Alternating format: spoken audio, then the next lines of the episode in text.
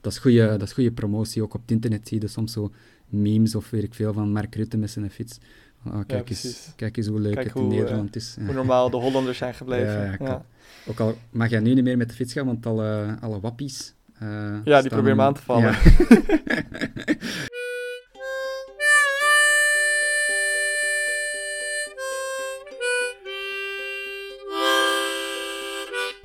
Welkom bij Denk je Vrij, de podcast van twee jonge filosofen met een verschillend accent in hun taal en hun filosofie. De een is Nederlander en uit de continentale traditie, de ander Belg en van analytische overtuiging. In hun botsing komt allicht niet de absolute waarheid aan het licht, maar in het denken zijn ze vrij. Hallo, dag Albin. Dag Jens. Vandaag gaan we het hebben over populisme en totalitarisme en ook het verband tussen beiden. En uh, ik dacht, misschien kunnen we eens beginnen met populisme, wat een thema is dat ook heel actueel is vandaag. Uh, vroeger nog meer, denk ik. Het is een beetje gaan liggen. Maar althans, Nederland telt wel een aantal populistische partijen, denk ik. Hè. België ook. Maar ze zitten in jullie recente regeringsformatie, zitten ze er niet in. Ook hier niet, trouwens. Maar ziet je dat nog gebeuren? Of dat er een populistische partij in, in Nederland aan de macht komt? Hmm, ik denk dat het lastig wordt. Um, ja, als we het dan hebben over populistische partijen, denk ik dat het vooral, althans in Nederland, dan de PVV en uh, Forum voor Democratie is.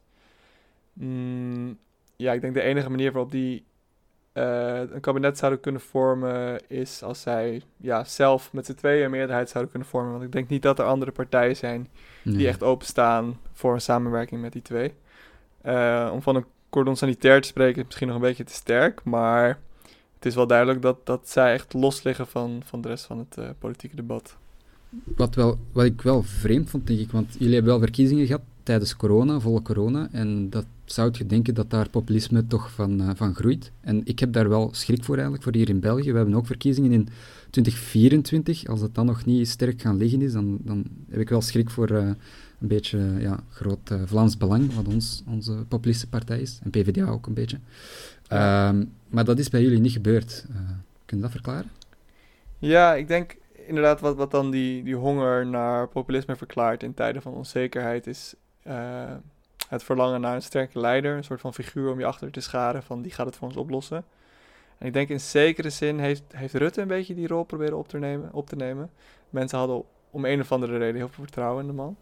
Um, En ik denk dat vandaar mensen vooral hebben gezegd van nou laten we niet, maar niet al te veel veranderen en gewoon lekker bij het, bij het vertrouwde blijven, want hij doet het al lang heel goed. Um, ik denk de verkiezingen daarvoor deed bijvoorbeeld FVD het uh, een stuk beter. Um, PVV is al een tijdje een beetje aan het, aan het uh, krimpen. Maar dat ligt dan inderdaad vooral aan het succes van FVD en het succes van VVD, volgens mij. Hm.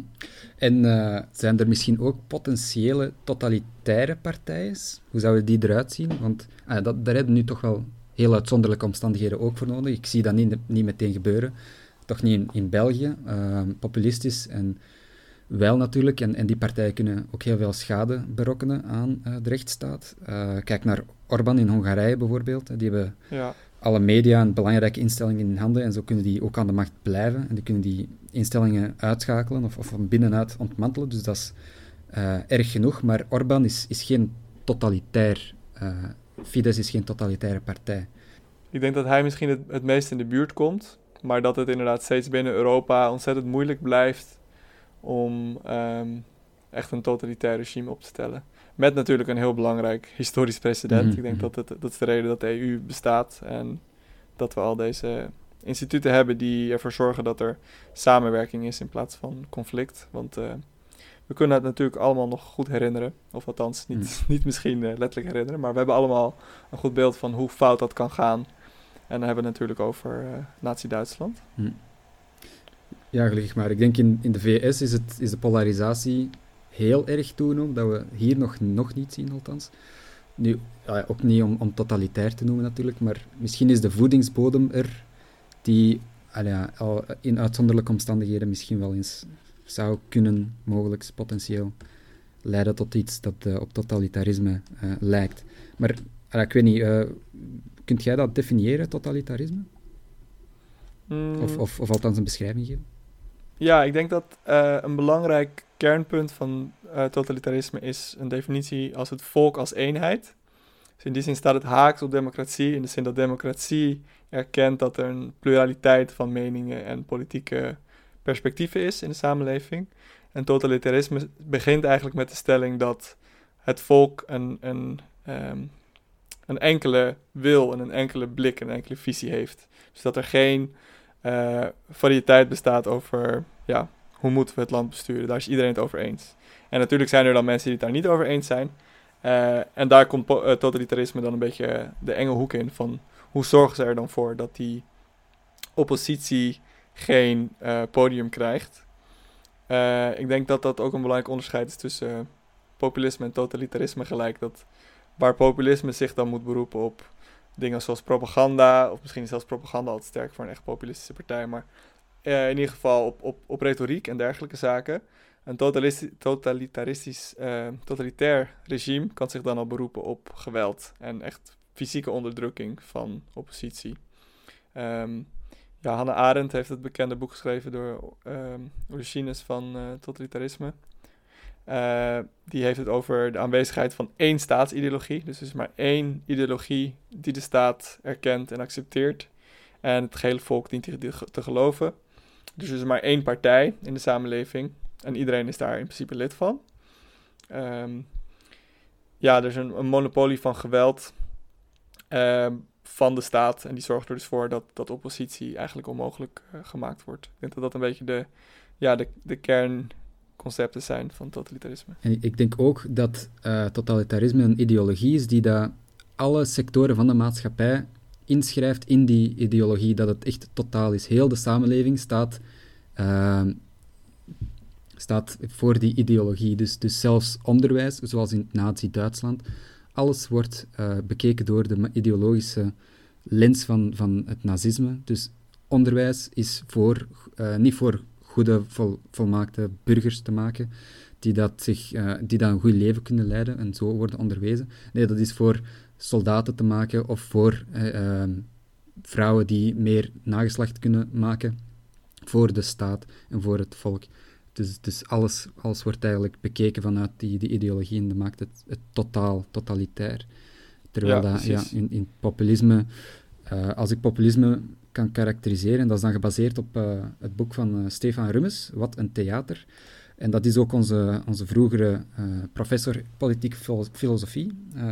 heeft heel interessante dingen daarover te zeggen. Hij maakt eigenlijk een onderscheid tussen populistische stijl enerzijds en populistische ideologie anderzijds. De stijl is vrij ehm, ja, onschuldig. Het zijn retorische technieken en, en verkiezingsstrategieën die politici gebruiken om het electoraat te bespelen. En dat kan heel onschuldig zijn. Ik denk bijvoorbeeld, ik moest denken aan Mark Rutte die met de fiets naar het werk gaat. Dat zal ook wel, ah, dat is onschuldig uiteraard, maar er zal toch wel een, een zekere politieke calculatie in het achterhoofd toch ook mee gemoeid zijn, heb ik zo het gevoel van. Ja. Dat, is goede, dat is goede promotie. Ook op het internet zie je soms zo memes of weet ik veel van Mark Rutte met zijn fiets. Oh, kijk, ja, eens, kijk eens hoe leuk het in Nederland is. Hoe normaal de Hollanders zijn gebleven. Ja, Ook al mag jij nu niet meer met de fiets gaan, want alle, alle wappies uh, ja, die proberen me aan te vallen. Ja. heb ik ook gezien, ja. Uh, langs de andere kant ook socialistische partijen en communistische partijen, uh, of partijleden die een loon afstaan aan de partij. Dat is ook zo'n beetje populistisch, denk ik. Ik de partij heeft niet per se dat loon nodig of zo, en dat is... Je mag gerust goed verdienen, vind ik, als politicus, als je zo'n grote verantwoordelijkheid hebt. Maar dat wordt dan ook weer... Er is ook een calculatie aan de gang daar, denk ik om te laten zien, kijk eens, wij zijn zo, wij zijn geen, geen politici, wij zijn werkmensen zoals u. Dus dat is populistische stijl. Uh, en je hebt dan wel ideologie, dat is wel uh, iets ja, kwaadaardiger. En dat is eigenlijk een simplistische tweedeling van de maatschappij tussen de elite enerzijds en het volk anderzijds. En waar dan de populist ook de enige vertaler is van de zogezegde eensluidende wil van het volk. En alleen hij belichaamt dan de ware stem van het volk. En dus dat zie je heel duidelijk bijvoorbeeld bij Donald Trump. Uh, Draining the Swamp, alle elite, de politici, dat zijn uh, de, de elite, die zijn uh, verderfelijk en het volk. iedereen, zogezegd, hangt Trump aan en hij, hij kan maar als enige man het volk redden. dus dat is dus, ja, wat populisme eigenlijk voorstaat, dus die ideologie. En ik denk dat ook veel complottheorieën daarin passen, niet?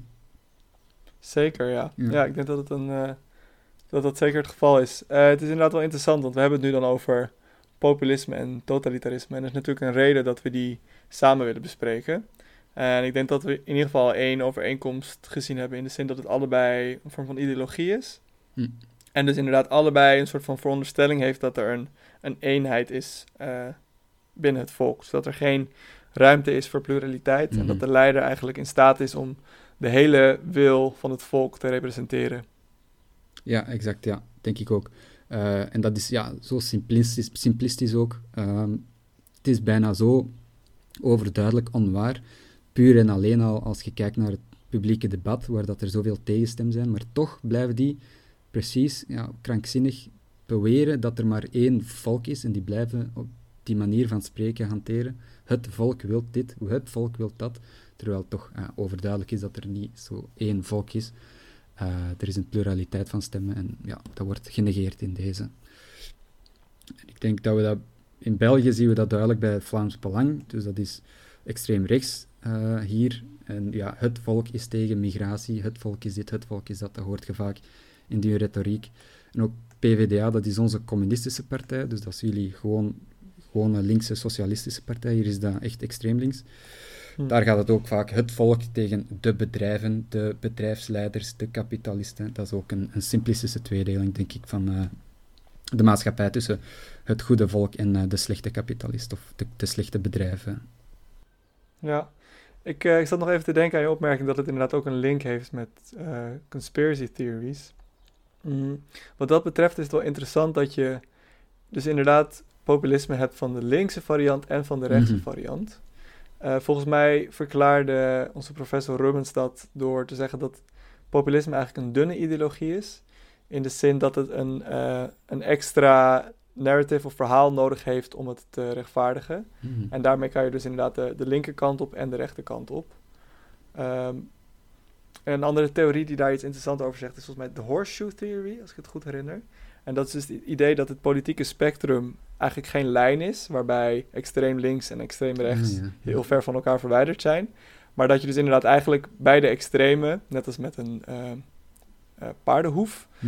uh, dat je met de extreme eigenlijk steeds weer dichter bij elkaar komt. Hm. En dan zie je dus inderdaad, bijvoorbeeld met corona heel interessant, dat je extreem rechtse en extreem linkse partijen Ja, dat hebben, is interessant, eh, hebt, die het dan opeens eens zijn dat alle maatregelen verkeerd zijn. Met, die met, uh, ja, met totaal verschillende uh, redeneringen, maar ze komen wel tot hetzelfde standpunt. Maar inderdaad, in de, in, in, in de kern is hetzelfde. Voor de linkse kant is dan, oh, de, de pharma is ons uh, allemaal aan het tuperen. En, Ja. en ik wil niks onnatuurlijk tussen aanhalingstekens in mijn lichaam Ja. spuiten. En de rechterkant zegt van ja, alle, alle politici, denk ik dan eerder, de, de elite, de regerende elite, Ja, die willen onze Die- vrijheid afnemen. die wil onze vrijheid afnemen en ons, eh weet ik veel, in, ja, weet ik veel hoe dat, dat gaat. Eh, dus ja, als ik het zo door heb, is totalitarisme een doorgedreven vorm van populisme, kunnen we dat stellen? Ja, ik denk dat we kunnen zeggen, populisme is proto-totalitair. Mm. Ik denk dat. Mm, ik weet niet of dat een uitsluitende definitie is. Want ik denk dat er zeker populisten zijn die misschien niet per se zouden streven naar een totalitaire samenleving. Maar ik denk dat dat Nee. met veel populisten wel het geval is. Ik denk dat, dat Orbán daar 100% een eh, voorbeeld van is. Als hij niet tegen werd gehouden door internationale betrekkingen, dan had hij gewoon zijn, zijn macht doorgezet. Ehm, ik weet niet of het in het geval van, van de Nederlandse en, en Vlaamse politici ook zo is dat zij echt zo doorgedreven zouden zijn dat ze door zouden slaan aan een totalitaire staat. Ik denk het niet, maar ze openen wel de deur voor eh, zoiets. Ja. Ze, ze geven wel, ze, ze zijn wegbereiders. Donald Trump is te dom om een totalitaire staat op te richten, maar de volgende proto-Trump, of die daar iets of wat intelligent is, die zou wel gebruik kunnen maken van de sentimenten die zijn opgewekt onder Trump, om eh, mogelijk wel in die richting voor te gaan. Dus ik denk dat ze wel wegbereiders zijn, zeker ook als ze aan de macht komen en de instellingen verzwakken. eh, dan, dan, dan zijn ze wegbereider in, in twee, twee, op, op twee vlakken, zowel ideologisch als dan eh, ja, de rechtsstaat te ontmantelen. Ja, Dus heel gevaarlijk eh, als ze aan de macht komen, zelfs al is het maar voor één termijn, want dat zeggen ze vaak, wel, laat ze een keer proberen en dan, zal, dan zullen de mensen zien dat het geen zin heeft en dat zij ook niet hun beloftes kunnen waarmaken. en dan zullen ze wel op, terug op de normale partijen stemmen. Maar ik zelf ben daar toch sceptisch over. Ik denk dat er toch genoeg schade is dat ze kunnen aanrichten, terwijl ze misschien vier jaar, vijf jaar aan de macht zijn. Ja, ongetwijfeld. Ja, we moeten natuurlijk ook niet vergeten dat Hitler uiteindelijk ook gewoon verkozen is op democratische wijze. dus de populistische, maar vooral de totalitaire tendenties uh, beroepen zich op democratische vrijheden om die vervolgens te ondermijnen. En dat is het gevaar inderdaad. Want het kan gewoon zo zijn dat er een meerderheid is die voor een uh, ondermijning van de democratie is. En dan, ja, wat, wat kan je dan nog doen om het, om het te stoppen? Ja, klopt. Dat noemen ze de, de paradox van de tolerantie. Dat je zo tolerant bent, dat je de tolerant, intolerante uh, het kunnen overnemen, in feite. En uh, Rubens geeft daar uh, ook een, meer uitleg over. Hij stelt vast dat er een tegenstelling is van visies op democratie. Dus aan de ene kant heb je de proceduralistische visie op, van democratie. Dus democratie is hier gewoon puur een waardevrije procedure. Gewoon stemmen tellen en doen wat de meerderheid wil. En dat is het. En dan zult je consequent tolerantie moeten toepassen en dus ook intolerante stemmen een podium geven. Zelfs dus die stem die ook de democratie willen afschaffen. En dat is het gevaar uh, hier. Maar je hebt ook dan de substantiële visie, die stelt dat democratie niet gewoon waardeneutraal is, maar dat is een samenlevingsvorm die expliciet de waardes vrijheid en gelijkheid voorstaat. En dus ook tegen ongelijkheid en onvrijheid ingaat op een bepaalde manier geïnterpreteerd. Vrijheid tussen man en vrouw bijvoorbeeld. Uh, of gelijkheid, sorry, tussen man en vrouw bijvoorbeeld. Of uh, vrijheid van ondernemen of dergelijke. Um, en dan, moest, uh, dan is democratie oké tot het punt dat het tegen democratie ingaat. Oftewel tegen vrijheid en tegen gelijkheid ingaat. Dus dat zijn twee visies daarop. Nochtans stelt Rummels wel dat er dat het een valse tegenstelling zou zijn. Dus vrijheid en gelijkheid zijn inderdaad substantiële waarden, maar ze moeten proceduralistisch ingevuld worden. Dat is wat uh, stelt. Maar dat is een beetje de, de paradox van uh, tolerantie. Hmm, interessant.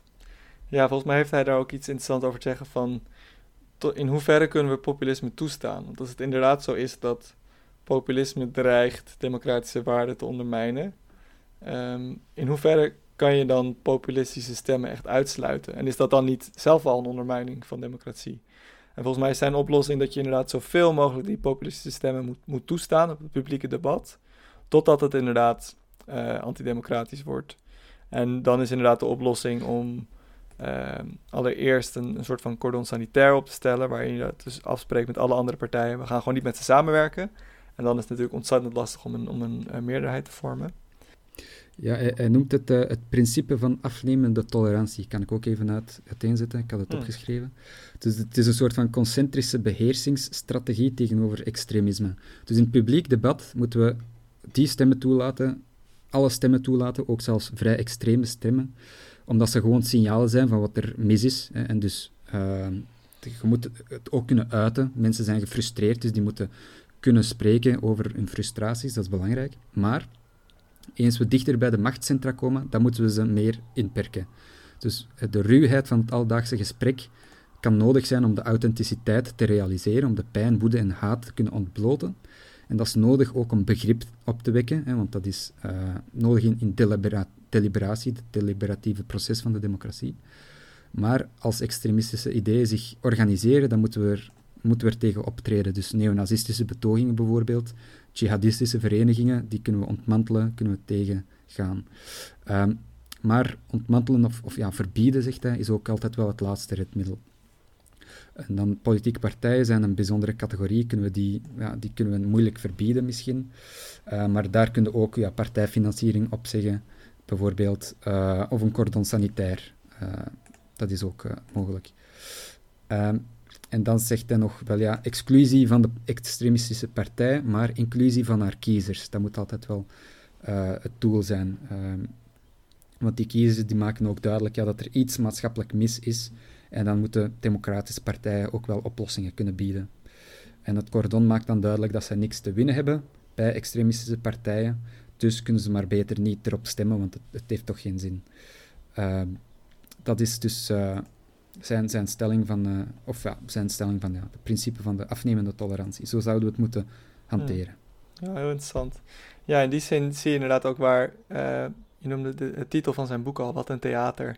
Dat, dat democratie echt uh, representatief moet zijn. Dat een, een kernwaarde van democratie is dat elke stem een plek moet hebben op het ja, theater van het publieke debat. En dat iedereen het gevoel moet hebben dat, dat er iemand is die hun vertegenwoordigt. Uh, en dat is volgens mij dan ook gelijk een conditie voor het ontstaan of voor het opkomen van populisme. En dat is precies dat het volk het gevoel heeft dat ze niet vertegenwoordigd worden. En dat ze niet gehoord worden. En dat hun stem geen mogelijkheid heeft, mogelijkheid heeft tot uh, een uitdrukking vinden. Ja, ja ik denk uh, als, het, als ongenoegen geen uitklap, clip, vindt binnen het systeem, omdat men zich niet gerepresenteerd ziet, hè, dan gaat men tegen het systeem ingaan. En dan gaat men op partijen stemmen die wel ja, zeggen van uh, het is allemaal uh, een swamp, we moeten de swamp trainen. En dus stem op mij op die manier, ja, inderdaad. Ja. ja, dat doet me denken aan een uh, onderscheid wat volgens mij door Chantal Mouffe wordt gemaakt, een politiek denker. En dat is het onderscheid tussen Belgisch antagonisme... Ah, excuses. Moet erbij gezegd worden natuurlijk. Ja, nu dat we er toch eens een Belgische hebben, ja goed. die volgens mij in een Londense universiteit werkt. Daar zeggen we ook maar even bij. Uh, dus het onderscheid is antagonisme en agonisme. Mm. Daarin is antagonisme oppositie die extern aan het systeem, systeem, is, als ik het goed herinner. En agonisme is een vorm van oppositie die intern aan het systeem is. En dat is dus precies wat democratie, democratie probeert te behartigen. In de zin dat het een publieke vertoning is van een debat. En daarmee um, ja, het, het gevoel geeft voor iedereen in de samenleving van... oké, we zijn dit samen aan het doen, we zijn samen van een geheel... En binnen dat geheel bestaat er uh, frictie, maar we zijn het in ieder geval eens over dat dit de manier is waarop we het moeten oplossen. We gaan niet het systeem zelf aanpakken, pakken, want het systeem is juist het, ja, het forum wat ervoor zorgt dat we een debat kunnen hebben. En als dat dus inderdaad niet meer mogelijk is, agonisme, dan krijg je antagonisme. En dan krijg je dus inderdaad stemmen die zeggen van, we kunnen dit niet meer met uh, geaccepteerde gedeelde waarden oplossen. We moeten het systeem zelf hervormen of aanvallen. Hm. En dan krijgen we dus inderdaad gevaarlijke vormen van uh, populisme, nationalisme en dergelijke. Ja, klopt. Ja. Dus agonisme, geen antagonisme. Dat moeten we uh, zien te bereiken. En dat veronderstelt ook wel degelijk een aantal gedeelde waarden. Namelijk dat we in zo'n democratisch principe noemt Habermas het, denk ik. We gaan in dialoog treden. We gaan eerst met elkaar spreken in, het, in, in de arena, in de arena van de democratie, het agonisme. Dus dat is ook een zeker uh, tegenstelling van stemmen, maar we gaan gewoon proberen elkaar te begrijpen. We gaan elkaar respecteren als mensen, vrijheid, gelijkheid. Um, en, en zo gaan we onze problemen oplossen, niet uh, met elkaar, ja, door met elkaar te vechten enzovoort. Dus dat veronderstelt nog wel echt de substantiële waarde van vrijheid en gelijkheid, die dus ja, moet uh, gedeeld zijn in een, in een samenleving. En dat is niet overal het geval, dus het is wel zo dat we het is wel een verworvenheid, democratie. Ze hebben het geprobeerd in Afghanistan uh, vele jaren, maar het, het wil geen, wilt niet een voet aan grond krijgen. Het, dat is net omdat die, die gedeelde waarden, moet, die moeten er aanwezig zijn, volgens mij. Ja. Ja, zolang je die niet hebt, dan is het inderdaad chaos en is er, is er geen, uh, ja, geen, geen common ground. Dus dan uh, hm. kan, je, kan je ook geen systeem opstellen waarbinnen je inderdaad een, een civiel debat kan vormen. Hm. Ja, dan is natuurlijk nog de vraag: wat zijn dan de, condities die ervoor zorgen dat mensen het gevoel hebben dat ze niet vertegenwoordigd worden? En ik denk dat één term die daar belangrijk is, is technocratie. Mm -hmm. uh, we zullen daar zeker nog een keer een, een podcast volledig aan wijden. Maar ik denk dat technocratie heel belangrijk is in de vorming van populisme, omdat um, ja, technocratie eigenlijk de overtuiging is dat er niet meer een politiek debat nodig is om tot besluitvorming te komen. Mm. Dus het is handig om technocratie tegenover bureaucratie te zetten. Dus bureaucratie is eigenlijk een, een stelling dat er een, technische manier is om politieke beslissingen uh, tot uitvoering te brengen. Dus dat zegt eigenlijk, oké, okay, er moet eerst een politiek besluit uh, genomen worden. En dan kunnen we op uh, de bureaucratie vertrouwen om die tot uitvoering te brengen. Hm. Technocratie zegt eigenlijk dat die technische uitvoering genoeg is. We hebben alleen expertise en technische kennis nodig om het goede antwoord op uh, vragen in de samenleving te vinden. En die, dat, dat politieke gedeelte is eigenlijk niet meer nodig. Mm, ja, dat, er is dan een, een slogan, er is geen alternatief, die je zeker ook wel een keer gehoord hebt in, in hm. verbinding met neoliberalisme hm. en, en globalisering. dus het idee dat Ja, precies. Er is, er is maar één manier om dit te doen. En dat is de, de manier die we nu aan het, aan het volgen zijn binnen het neoliberalisme, binnen de globalisering. Ehm, en het heeft geen zin om daar een politiek debat over te voeren. We moeten gewoon op een technische manier dit tot uitvoering brengen.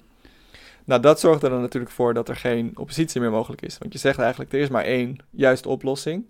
Er is geen politiek meer voor nodig. En het wordt natuurlijk ontzettend ehm, ja, elitair, maar ook in, in achterkamertjes en, en uh, ondoordringbaar. Er is geen uh, publieke vorm meer van, mm. van debatvoering. En dan krijg je natuurlijk heel snel een volk dat zegt van... ja, maar hallo, waar is onze stem? En hoezo worden wij hier niet gehoord? Ja, klopt. En het is ook uh, ja, technocratie, dus een technische oplossing voor alle politieke problemen. Dat is fundamenteel fout, denk ik, ook omdat bij, elke, bij elk probleem gaat je dan een oplossing kiezen, een beleidskeuze maken. Er zijn altijd winnaars en verliezers bij elke beleidskeuze. En dus wie gaat winnen, wie gaat verliezen, dat is een keuze van, ja, van de mensen die onderworpen zijn aan die beleidskeuze, denk ik. Dus er, er komen waardes, komen daar, fundamenteel moeten die aan bod komen. Er is geen waardevrije beleidskeuze, per definitie bijna. Uh, dus, dus ik denk, ja, technocratie is inherent uh, fout, uh, in mijn ogen. Maar daar kunnen we het inderdaad nog eens meer uitgebreid over hebben. Ik hoorde u daar nog iets interessants zeggen, globalisering. Ik denk dat dat ook een van de, de, de oorzaken is van toenemend populisme. Hè, dus de globalisering van, van problemen, ook vooral zoals klimaat, is een uh, globaliserend probleem. Mensen hebben het gevoel dat ze geen impact hebben, hun beslissingen hebben geen impact op zo'n grote problemen zoals klimaat. Maar ook, en dat is misschien uh, relevanter in, in de context van populisme, het financieel systeem, de banken, ook de multinationals, big tech, uh, dus die belasting ontduiken. En er is gewoon, de natiestaat kan daar niet meer tegen optreden. Het is gewoon te zwak. Die zijn te groot geworden. En dus men heeft het gevoel van, ja, ik moet hier belastingen betalen en die multinationals, die, die doen maar op. Ehm, en, en, mijn stem heeft geen impact. Uh, en dan keert men zich tegen het systeem, omdat men niet in, binnen het systeem zich, ja, zijn, zijn, zijn stem, zijn wens kan, uh, kan ja. geuit worden. En dus, volgens mij, de nazistaat is gewoon te klein. Uh, dus de noodzaak van Europa. Dat is, dat is mijn stelling. Dat ik, ben, ik volg meestal gewoon Europese politiek, omdat volgens mij is dat gewoon relevanter in, op het Belgisch niveau kan ik weten wel wanneer, krijg ik, uh, wanneer is het lockdown, oké. Maar op het Europees niveau wordt beslist uh, of er überhaupt een virus is, dat is wat sterk gesteld, maar of, of de mogelijkheidsvoorwaarden voor zo'n pandemieën überhaupt aanwezig zijn of niet. Bijvoorbeeld die markt in uh, Xinjiang, in China, uh, kunnen sluiten, wel of niet, of zo van die zaken. of dat we druk kunnen leggen op andere landen in zaken van allerhande ja, uh, pandemie-gerelateerde zaken dan. Ja, ik ben het met je eens dat de hedendaagse problematiek vereist dat we voorbij grenzen bekijken. Waar natuurlijk wel bij moet gezegd worden dat ik echt het gevoel heb dat de EU tekort gekomen is tijdens de coronacrisis. Maar um, ik denk dat dat precies ook het gevoel is wat, um, ja, wat verklaart waarom mensen terugkeren naar inderdaad populus, naar het gevoel van eigen volk eerst. Um, juist het idee dat er zoveel instituten zijn die supranationaal zijn. Hè? De VN, mhm. de EU, maar ook NGO's. Die ook niet democratisch NATO. zijn. Ja. Precies, de World Bank.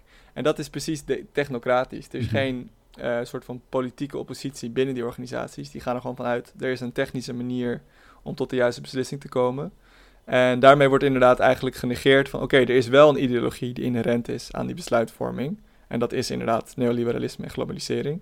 Maar die wordt niet als dusdanig erkend en er wordt geen debat over gevoerd of dat inderdaad wel de juiste manier van, van doen is. En daardoor heeft het volk steeds meer het gevoel dat er geen eigen inzegging meer is over uh, ja, wat er met hun gebeurt. En vandaar dat er dus inderdaad die populisten zeggen van we moeten terug naar de nazistaat, we moeten terug naar invloed hebben op, over onze eigen keuzes. Um, ja, nog kort, Harari zei daar iets heel interessants over wat ik uh, nooit helemaal had begrepen van waarom is het zo dat nationalisten en populisten klimaat niet kunnen erkennen? Want dat gebeurt natuurlijk op globaal niveau, maar ook op lokaal niveau. En dat is precies omdat uh, een, ja, een probleem zoals klimaatverandering een globale oplossing nodig hmm. heeft en niet op nationaal niveau kan worden opgelost. Dus moet ze het uh, ontkennen, anders kunnen ze hun eigen po nationale politiek niet verkopen. Mm -hmm. Ja, interessant. Ja, Harari zegt altijd interessante dingen. Nog even over Europa. Dus inderdaad, dat, vind ik ook. De EU, ik zei daarnet Europa, maar de EU op zich is niet democratisch. Dus ik ben wel voor een democratisch Europa.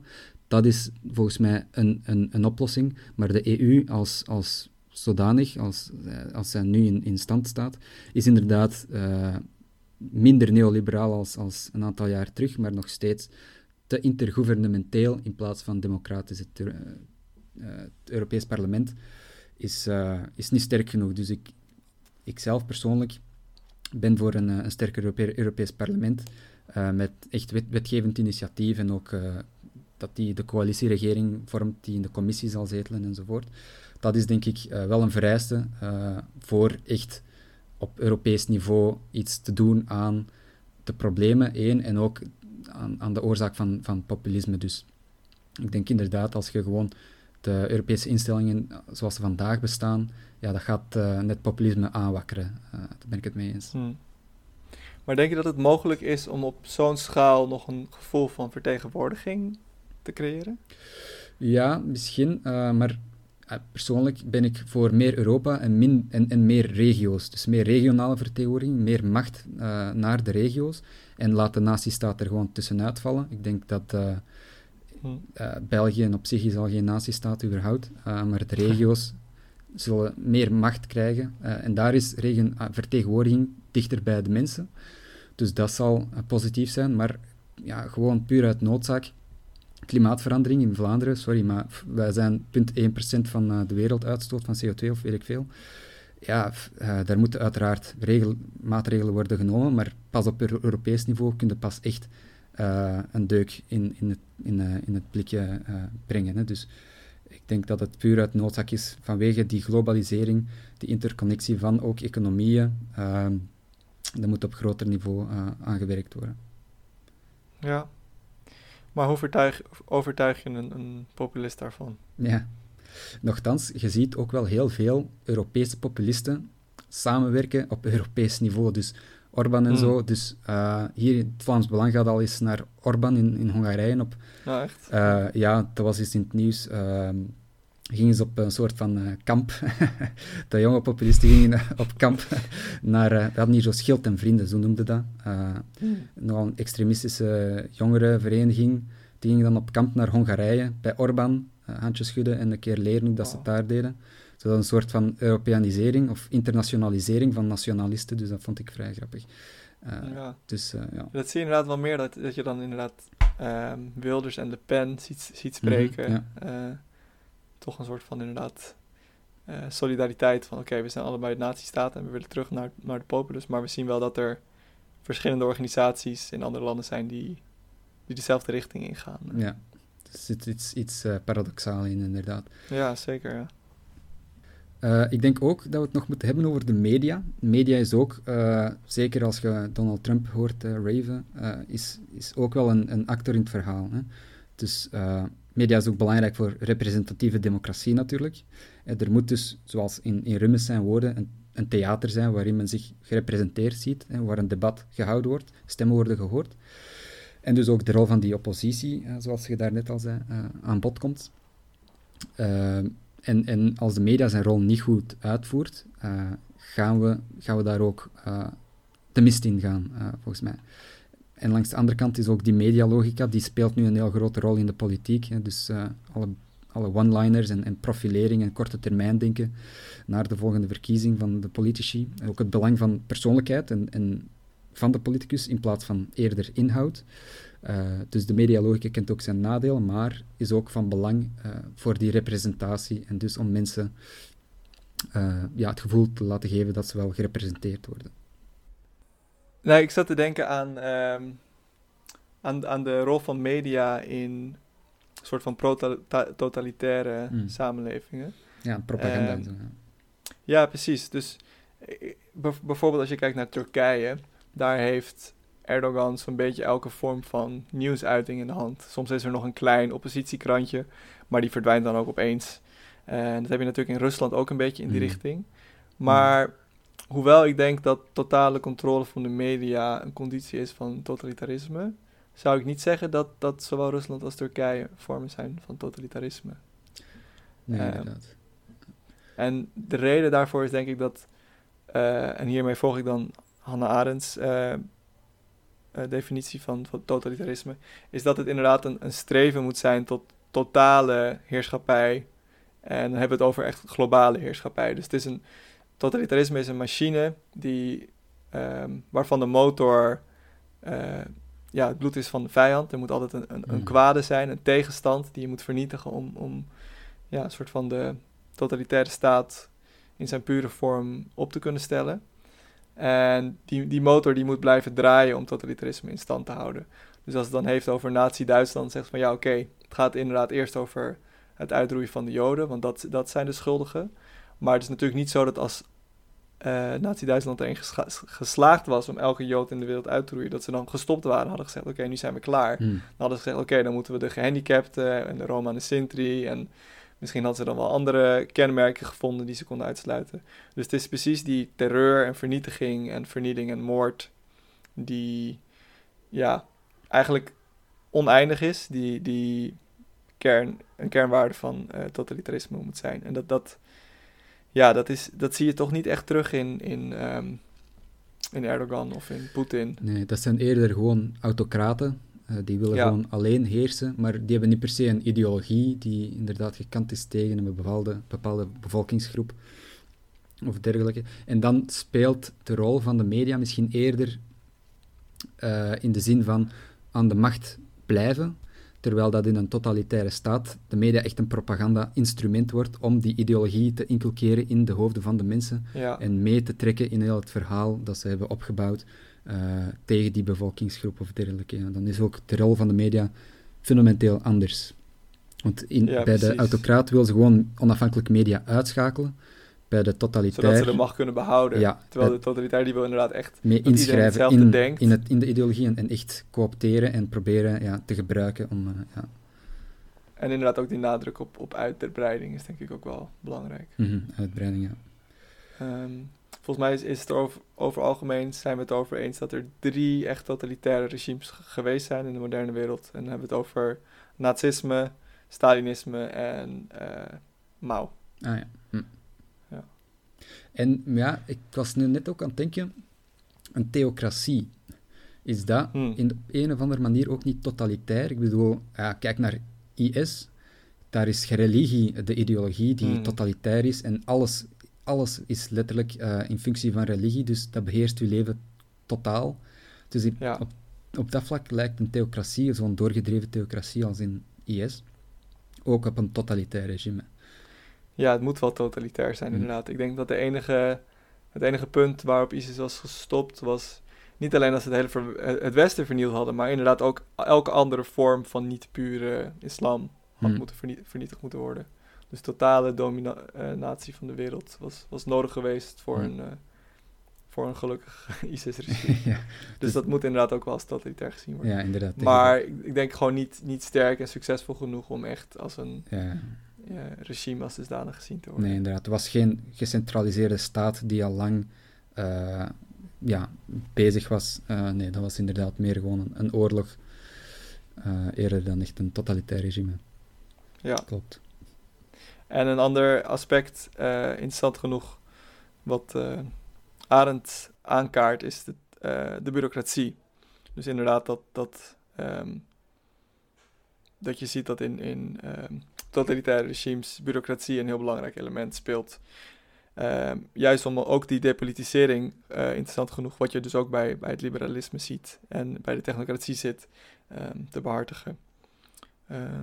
ja. Hm. En uh, de Nederlandse media, zijn die eigenlijk uh, nog uh, neutraal? En, en, en hoe moet je dat ja, objectief meten? Of ja, is er überhaupt waardeneutrale media? Je ook vragen Ja, ik denk eigenlijk gezegd niet dat dat bestaat. Je, je kan wat, wat feiten beschrijven, van dit is wat er gebeurd is, maar zelfs dan is er interpretatie en selectie. Ja, selectie Ik denk wat je, wat je nodig hebt is verschillende stemmen die haaks op elkaar staan en die het niet eens zijn met elkaar. Want dan, alleen dan kan je het van verschillende perspectieven belichten. En staatsgesponsorde media. Hier in, in, in Vlaanderen hebben wij de VRT, dat is staatsmedia. Ehm, en die is, ik vind die uh, vrij neutraal. Ja, die, die wordt algemeen aanschouwd als neutraal. Uiteraard, de extreme zijde van het spectrum uh, beweren van niet. Ja. Maar ja, ik daar, daarop vertrouw ik voornamelijk. Hier zijn ook wel een hoop media in handen van één bedrijf, TPG Media, uh, zoals je ook in Amerika hebt. Uh, en, en zeker Rupert Murdoch, zeker ook in, Australië en de UK. Dat is ook wel een, echt een significante bedreiging voor een democratisch staat. Hè. Zeker, ja. Ja, want het is inderdaad... Um, volgens mij is dat Claude Lefort die dat zegt, van totalitarisme is de samensmelting van macht, maar ook wetmatigheid en kennisvorming. En essentieel voor kennisvorming is natuurlijk de media. En als het allemaal in de handen is van één persoon, dan, ja, dan is die kennisvorming totaal stuurbaar. Dan kan je vooral, ja, kan je voornamelijk uh, volledig beslissen hoe mensen de wereld komen te zien. En uh, dat is natuurlijk problem problematisch. Dus wat dat betreft denk ik dat ja, neutrale media. Ik weet het niet. In, in, in Nederland heb je dan NOS. En ik ben in principe gelukkig met, met accepteren wat, wat, wat de NOS me vertelt. Maar ik denk dat we ook wel heel erg moeten oppassen met neutrale media. Ik denk dat, dat juist kritisch zijn uh, ontzettend belangrijk is. Mm. Uh, dus dat je in, in uh, toevoeging tot de neutrale staatsmedia altijd kritische media nodig zou hebben. Ja, inderdaad. Ik wil ook nog wel opmerken dat het, uh, want men, men heeft vaak de neiging om uh, het verleden als beter voor te stellen, maar vroeger, ook in Nederland denk ik, uh, in België zeker, de verzuiling was heel sterk.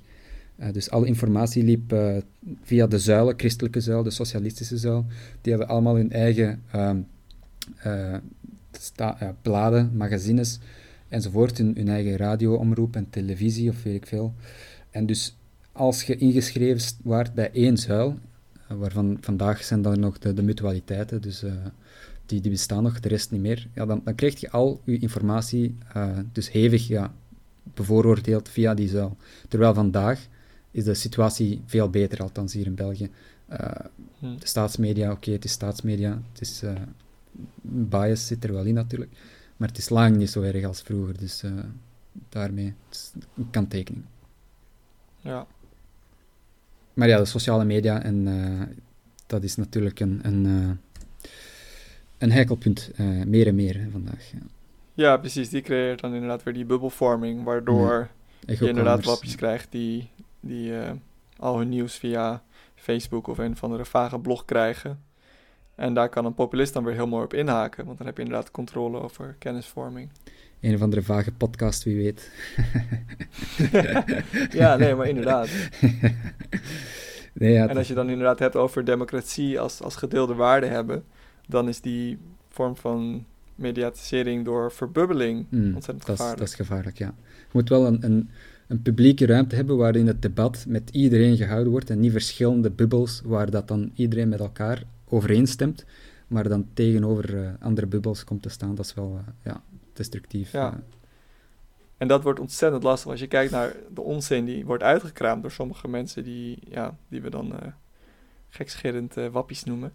Uh, ik, ik zou daar geen gesprek mee kunnen hebben. We, zijn het gewoon helemaal nergens over eens. Er is mm. geen, geen common ground meer, weet je wel. Ja. Dus dan wordt het lastig om een debat te voeren. Ja, inderdaad. Ja. Uh, ja, is dat omkeerbaar? Want het is ook complottheorie. Hè? Dus dat is ook iets wat in bubbels ontstaat complottheorieën kunnen ook wel enorm destructief zijn, gewoon, want ja, uh, nazisme is ook gewoon gebouwd op een complottheorie. Letterlijk. Uh, de Joden zijn, uh, de, het Zionisme manipuleert alles. De Eerste Wereldoorlog is verloren, in, van, heeft Duitsland verloren omwille van de Zionisten die thuis, weet ik veel, alles aan het saboteren waren en ook de, de communisten. dus dat is letterlijk een complottheorie die is uitgegroeid tot een ideologie die de grootste, een van de grootste massamoorden uit, uit de 20e eeuw heeft bewerkstelligd. Dus het is ook niet zo dat we dat... we moeten dat heel serieus nemen, denk ik wel. Ja, ik denk dat je daar inderdaad meteen de, de vinger op de zere plek legt. En precies waarom dit zo'n belangrijk gesprek is. Want er lijkt dus inderdaad echt zo'n sterke verbinding te zijn tussen populisme en totalitarisme. Mm waarin we heel erg moeten oppassen dat, dat of, ja, populisme niet doorslaat naar totalitarisme. En daarom is het zo belangrijk om na te denken, wat is nou precies de verhouding tussen die twee? En wat zijn de condities um, voor het opkomen van beide? Ja, dus misschien wat we waren daarnet bezig over ideologie, misschien is nog, ja, een complottheorie is misschien nog meer fundamenteel een deel van uh, een totalitair regime, hè, zoals je daarnet ook zei, altijd. een, een vijand vinden. Een vijand, en dat is altijd via complottheorie, want er is niet één grote vijand van een heel land of weet ik veel. Dus dat, is- Ja. dat zal altijd een complottheorie zijn. En dat is dan de basis waarop zoiets kan groeien. Dus als er een populistische partij samen begint complottheorieën eh, daarmee aan te gaan, en dan denk ik misschien aan Forum voor Democratie, die zit tegenwoordig ook wel hè, eh, met complottheorieën, antivaxer toestanden. Zeker, ja. of ja, daar toch althans connectie mee te, te, te zoeken. Dan is het misschien, ja, waar, dat is het zaad misschien waaruit een totalitaire partij kan groeien, wie weet. Ja. ja, en dat is inderdaad de ondermijning van de publieke waarheden die we allemaal erkennen. Hm. Namelijk dat er een, een pandemie is of dat er klimaatverandering is. Of, Hm. of ja, dat er grote problematiek is waar we ons voor moeten organiseren. Ehm, ja, beangstigend. Ja? Ehm, als we dan kijken naar inderdaad ehm, de grondslag van totalitarisme, dan kunnen we misschien zien hoe dat weer teruglinkt aan eh, populisme. Ehm, ja, interessant genoeg definieert Le Fort, zoals ik al zei, totalitarisme als volk als eenheid. En dat is inderdaad ook wat populisme vaak als, als insteek heeft. En zoals je al zei, het is ontzettend belangrijk om hier dan over totalitarisme na te denken. Precies omdat het ja, ontzettend destructieve gevolgen heeft, maar ook omdat het volgt uit ehm, tendenties die, die lijken gelijk te lopen aan de tendenties die ten grondslag liggen aan populisme. En populisme is natuurlijk iets wat we gewoon heel veel zien op het moment. Hm. Nou, stelt ehm Hannah Arendt, maar ook Le Fort, en ik denk dat dat twee van de belangrijkste denkers zijn als we het hebben over totalitarisme, dat totalitarisme zijn oorsprong vindt in een paar tendenties, met name individualisme. Dus dan hebben we het over sociale fragmentaties.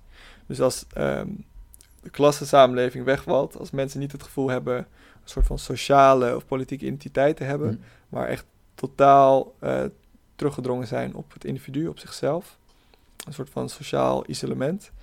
Ehm, dan gaan ze sneller zoeken naar een soort van saamhorigheid, cohesie, eh, voorspelbaarheid. En die vind je dan natuurlijk al snel in één sterke leider die zegt: We zijn allemaal één, we zijn één volk, we hebben één vijand, we hebben één wil. En ehm, ja, oppositie, daar hebben we niks aan. We moeten allemaal samen onder één hoed eh, dezelfde ideeën behartigen. Ja, dat, Ehm, dat zie je wel ja. duidelijk ook hier. eh, alle, eh, het individualisme niet meer de, de wil hebben om solidair te zijn met je medemens, die dan misschien wel eh, vatbaar is voor corona als jij dat niet bent. Dat is wel ook iets dat we sterk zien in onze samenleving. Ja. Ja, dus het is inderdaad wel interessant dat die eigenlijk fundamentele aspecten van democratie, ehm, wat, wat volgens mij kan je wel zeggen dat individu- individualisme er eentje van is, Mhm. ehm, dat dat tevens een conditie is voor eigen teleurgang, of in ieder geval kan Ja. zijn. Ja, ja. Het is eh, een tegenstelling dat we als individu eh, in een democratie deelnemen. We hebben maar één stem per persoon. Eh, dus dan, dat veronderstelt een individu, maar het is toch wel een manier om als collectief op te treden. Dus er moet wel ook solidair zijn, want eens de stem is, eens de beslissing is gemaakt, moet u er ook wel bij neerleggen, ook al is het misschien tegen uw zin. Eh, dus dat, dat vereist een vorm van solidariteit eh, ook. Dus misschien, eh, Ja. ja. Het is moeilijk, het is, samenleven is moeilijk, democratie is moeilijk, maar toch het beste systeem dat we nog altijd hebben. Ja. Ja. ja, maar het is inderdaad precies het gevoel dat die samenhorigheid die de samenleving zou moeten creëren, dat die niet gevoeld wordt. En dat het gebrek aan die samenhorigheid ehm, ja, onzekerheid creëert. En dat het echt inderdaad gaat om van oké, ik hoef niet per se ehm, een individu te zijn die rationeel en, en competitief handelt, zoals we dat graag in het kapitalisme hebben. Want daar krijg ik niet eh, mijn belangrijkste belangen uit voort. En dat zijn inderdaad de belangen van een soort van zekerheid en, en sociaal samenhorigheid. En dat is precies de honger die totalitarisme probeert, Mhm. probeert te voeden. Ja, ja, opgaan in de massa, dat is ook een, inderdaad Ja. een, eh, een belangrijk kenmerk, ook in het nazisme. Dat waren die gigantische demonstraties waar dat je deel van het geheel en niet deel van iets groter en eh, het lot tegemoet gaat op een of andere manier. Eh, ja, dat is ook eh, ja, totalitarisme, de, de lokroep van het totalitarisme. Ja. Ja, en ik denk dat een, een belangrijke conclusie wat dat betreft is dat totalitarisme geen soort van vreemde uitzondering is of een soort van chaotische afwijking van eh, de orde die we opgesteld hebben door democratie en kapitalisme en industrialisering. Maar juist een uitdrukking is van precies die eh, aspecten van kapitalisme, individualisme, industrialisme. In zekere zin is het juist een extreme vorm daarvan. Ehm, dus ja, precies de tendenties die leiden tot totalitarisme, die zijn nu nog steeds in plaats, want die zijn ook uh, de kenmerken van de mo moderne democratische samenleving. Ja, daar gaat je wat ver voor mij. ja? Maar uh, ik zie je punt wel. Ik zie je punt wel. Maar ik denk, eh, als, omdat er net zo'n tegenstelling is tussen individualisme en het collectivisme, die, die heffen elkaar op tot op zeker hoogte ook, denk ik. Ik denk niet dat het zo is dat iedereen sowieso deel wilt zijn van, uh, of op wilt gaan in de massa van de totalitaire staat. Mensen willen ook een, een individu zijn, een uh, eigenheid hebben en dus niet per se gelijk denken en gelijk doen, alles. er, is, er is iets van beide in menselijke natuur, hmm. maar ik denk dat democratie misschien wel een, een goede een goede evenwicht kan vinden tussen beide. En als de ondergrond er is, als de voorwaarden daar zijn, dan kan men doorslaan naar het ene, naar het andere, hyperindividualisme of hypercollectivisme. Um, en en dat is, dat is um, mogelijk, maar ik denk niet dat het per se een, een doorgedreven vorm is van, het, van éénzelfde ding. Maar dat is, uh, ja, dat weet ik. Ja, ik ben het 100% met je eens. Ik denk dat je dat heel mooi zegt, dat mensen inderdaad de behoefte hebben aan zowel het individualisme en, en een soort van uh, gevoel van autonomie en zelfverwerkelijking en dergelijke. Um, en tegelijkertijd een gevoel, gevoel nodig hebben van sociale saamhorigheid en cohesie. En dat je dus inderdaad niet kan zeggen van... Oké, die individu dat individualisme is doorgeslagen, dus het enige wat we nu nodig hebben is een soort van um, identiteitloze massa waar we allemaal in versmelten. Uh, vandaar denk ik ook dat totalitarisme geen um, sustainable oplossing is mm. voor dat probleem. Um, tegelijkertijd denk ik wel dat het heel lastig is om echt die sociale cohesie te creëren naarmate je de de grootte van, de, van het volk, zeg maar, uitbreidt. Dus dat, als we dan inderdaad hebben over een uh, Europa, denk ik dat het heel lastig is om daar een uh, sociale identiteit uit te putten. En uiteindelijk is zelfs Europa natuurlijk niet genoeg. We moeten een, een soort van globale identiteit mm -hmm. weten te cultiveren als we echt op lange termijn willen omgaan met de problematiek die we voor ons hebben. Dus ja, een soort van identificering met, met de wereld en dat we er allemaal deel van zijn en dat we daarom moeten samenwerken. Maar dat is volgens mij zo lastig om, om in het brein van een mens te krijgen dat gewoon begrensd is mm. door evolutionaire biologie en eigenlijk altijd in clans geleefd mm. heeft en ook in die zin denkt. Um, ja, om, om van een groep van 150 man naar 7 miljard te gaan is, is best wel een, een cognitieve stap. Ja, klopt. Nee, ja, dat, daar ben ik het ook mee eens. Uh, ik denk dat daarom net belangrijk is om op verschillende niveaus te werken, zowel regionaal, lokaal, als dan op een, op een oppervlakkiger niveau een aantal basiswaarden delen met een, grotere gemeenschap zoals de EU. Daar kun je putten uit een historisch-culturele achtergrond die gelijk is. Ik denk dat we daar wel... Goed, daar zijn ook moeilijkheden natuurlijk, maar Europese geschiedenis is toch ook een geschiedenis van, van, van Polen, ook een van Hongarije, Oostenrijk-Hongarije, uh, Oostenrijk-Hongarije bijvoorbeeld, heel belangrijk geweest in, uh, in onze geschiedenis. Enerzijds, anderzijds ook gedeelde basiswaarden, zoals de rechtsstaat, sociale economie. Uh, niet de economie zoals in Amerika, of, of zoals in China uiteraard niet, maar een sociale economie met sociale vangnetten. Dat is heel belangrijk. De nadruk op die rechtsstaat, liberale democratie, ook heel belangrijk. Mensenrechten. En mensenrechten is misschien wel de basis die we zouden moeten trachten te delen op op werkelijk globaal niveau. Dat is nog uh, minder diepgaand als, als de identiteit die we zouden kunnen bouwen op Europees niveau. Maar dat is wel, ja, dat is wel de, het minimum aan gedeelde waarde. Ook al uh, is dat uiteraard niet overal uh, een waarde, die mensenrechten. Dus dat is, niet, dat is niet globaal gedeeld. Maar dat is misschien wel iets ja. waar dat we uiteindelijk op kunnen hopen. Dat dat de basis wordt van een globale gemeenschap. Een heel oppervlakkige, maar toch een, een, een basisset aan waarden die dat we kunnen delen. Ja. Ik denk dat in, in idealistische zin ben ik het helemaal met je eens. Mm. Dat is wat we graag zouden willen. Ja. Maar als je kijkt naar wat daar op het moment het dichtst mm. bij in de buurt komt, dan heb, dan heb je het volgens mij over de Verenigde Naties. Ja, dat en is, volgens mij is dat niet meer dan een uitdrukking van, van westelijke waarden. Ja. Precies, ja.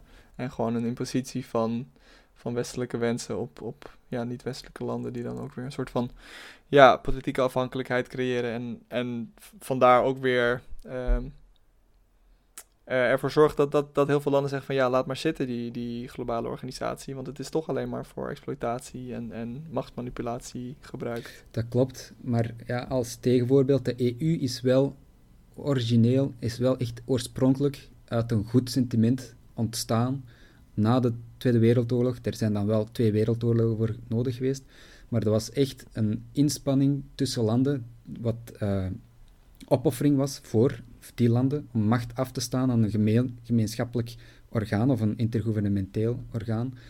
Uh, en om zo dichter bij elkaar te komen, zodat zo'n wereldoorlogen niet meer voorkomen. Dat, dat, dat zijn we vandaag de dag grotendeels vergeten, of nu komt machtspolitiek daar veel meer uh, terug bij kijken, maar origineel, zeker tot in ja, de jaren 70, 80, uh, dan was dat nog wel een heel oorspronkelijk en uh, gemeend en een gezamenlijk project dat wel mooi was, denk ik. De, de VN is dan niet. Zou het idealiter in de toekomst wel zijn, maar ja, misschien hebben we daar nog een aantal wereldoorlogen voor nodig. Maar uh, goed. ja. Nee, ik ben het inderdaad met je eens dat we uiteindelijk die kant op moeten. Maar ik denk inderdaad wat, wat populisme aantoont, is dat mensen erg uh, sceptisch zijn over organisaties die zo ver boven hmm. hun lokale organisatie voorbij ja. gaan. Nee, het is waar. Dus dat, ja, wat, je noemt inderdaad, die, die, die regionale organisatie, en dat dat dan misschien een soort van um, terugkoppeling zou hebben naar um, het, het, het uh, internationale of, of globale niveau. Uh, volgens mij is het Koerdische politiek systeem daar een voorbeeld van. Dus het is een, uh, niet een top-down, maar een bottom-up approach. In de zin dat er eigenlijk geen ehm, top-down beslissingen worden genomen. Dus, dus het nationale, of in ieder geval het, het hoogste niveau van politieke organisatie, neemt alleen beslissingen wanneer die door het regionale niveau um, worden opgebracht van oké, hier, hier, moeten we iets mee doen. En de, de regionale beslissingen zijn eigenlijk alleen maar uitdrukkingen van wat er in lokale organisaties en bijeenkomsten besproken wordt. Dus het begint echt bij wat zeggen mensen in de buurt dat er moet gebeuren. Wat zeggen dan de vertegenwoordigers van die groepjes op het uh, regionale niveau, et cetera, et cetera. Dus dat je inderdaad begint van wat gebeurt er op het kleine niveau. De vraag is of dat überhaupt genoeg is om dan inderdaad echt die grote problematiek aan te gaan. Maar dat is misschien in ieder geval wel een, een manier waarop je dat gevoel van saamhorigheid en politieke vertegenwoordiging kan behartigen. Mhm. Ja, het is ook een vraag naar de adequate politieke structuren, zoals ook deliberatieve democratie met burgerjuries en zo. Dat zijn ook allemaal zaken die dat we zouden kunnen meenemen in, uh, uh, ja, onze politieke structuur, die dat wel goed zou zijn als, als niet volledig alternatief volgens mij, maar als iets uh, dat supplementair kan werken en dat ook meer connectie met de mensen kan aanbieden. Maar ja, goed, dat is, dat is een groot debat natuurlijk. Maar dat, dat, klopt wel. En, en waar? Koer, Koerdische systeem? Koer, Koerdistan is, bestaat toch niet? Of, of ik weet niet wat je bedoelt? Nee, je hebt inderdaad het Koerdische volk in, in drie of vier verschillende landen verspreid. Um, maar die proberen ondanks alle ja, oppressie toch een, toch een ja. vorm van politiek mm, bestuur op te zetten. Ja. Interessant.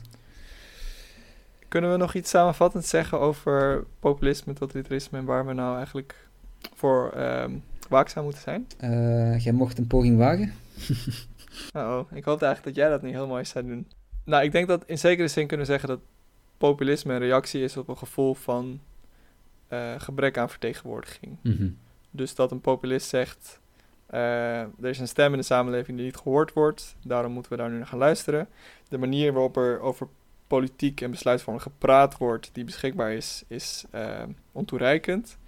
Um, het volk wordt niet ge gerepresenteerd. Uh, de macht vloeit naar ja, mensen die of andere dingen van plan zijn door middel van complotdenken.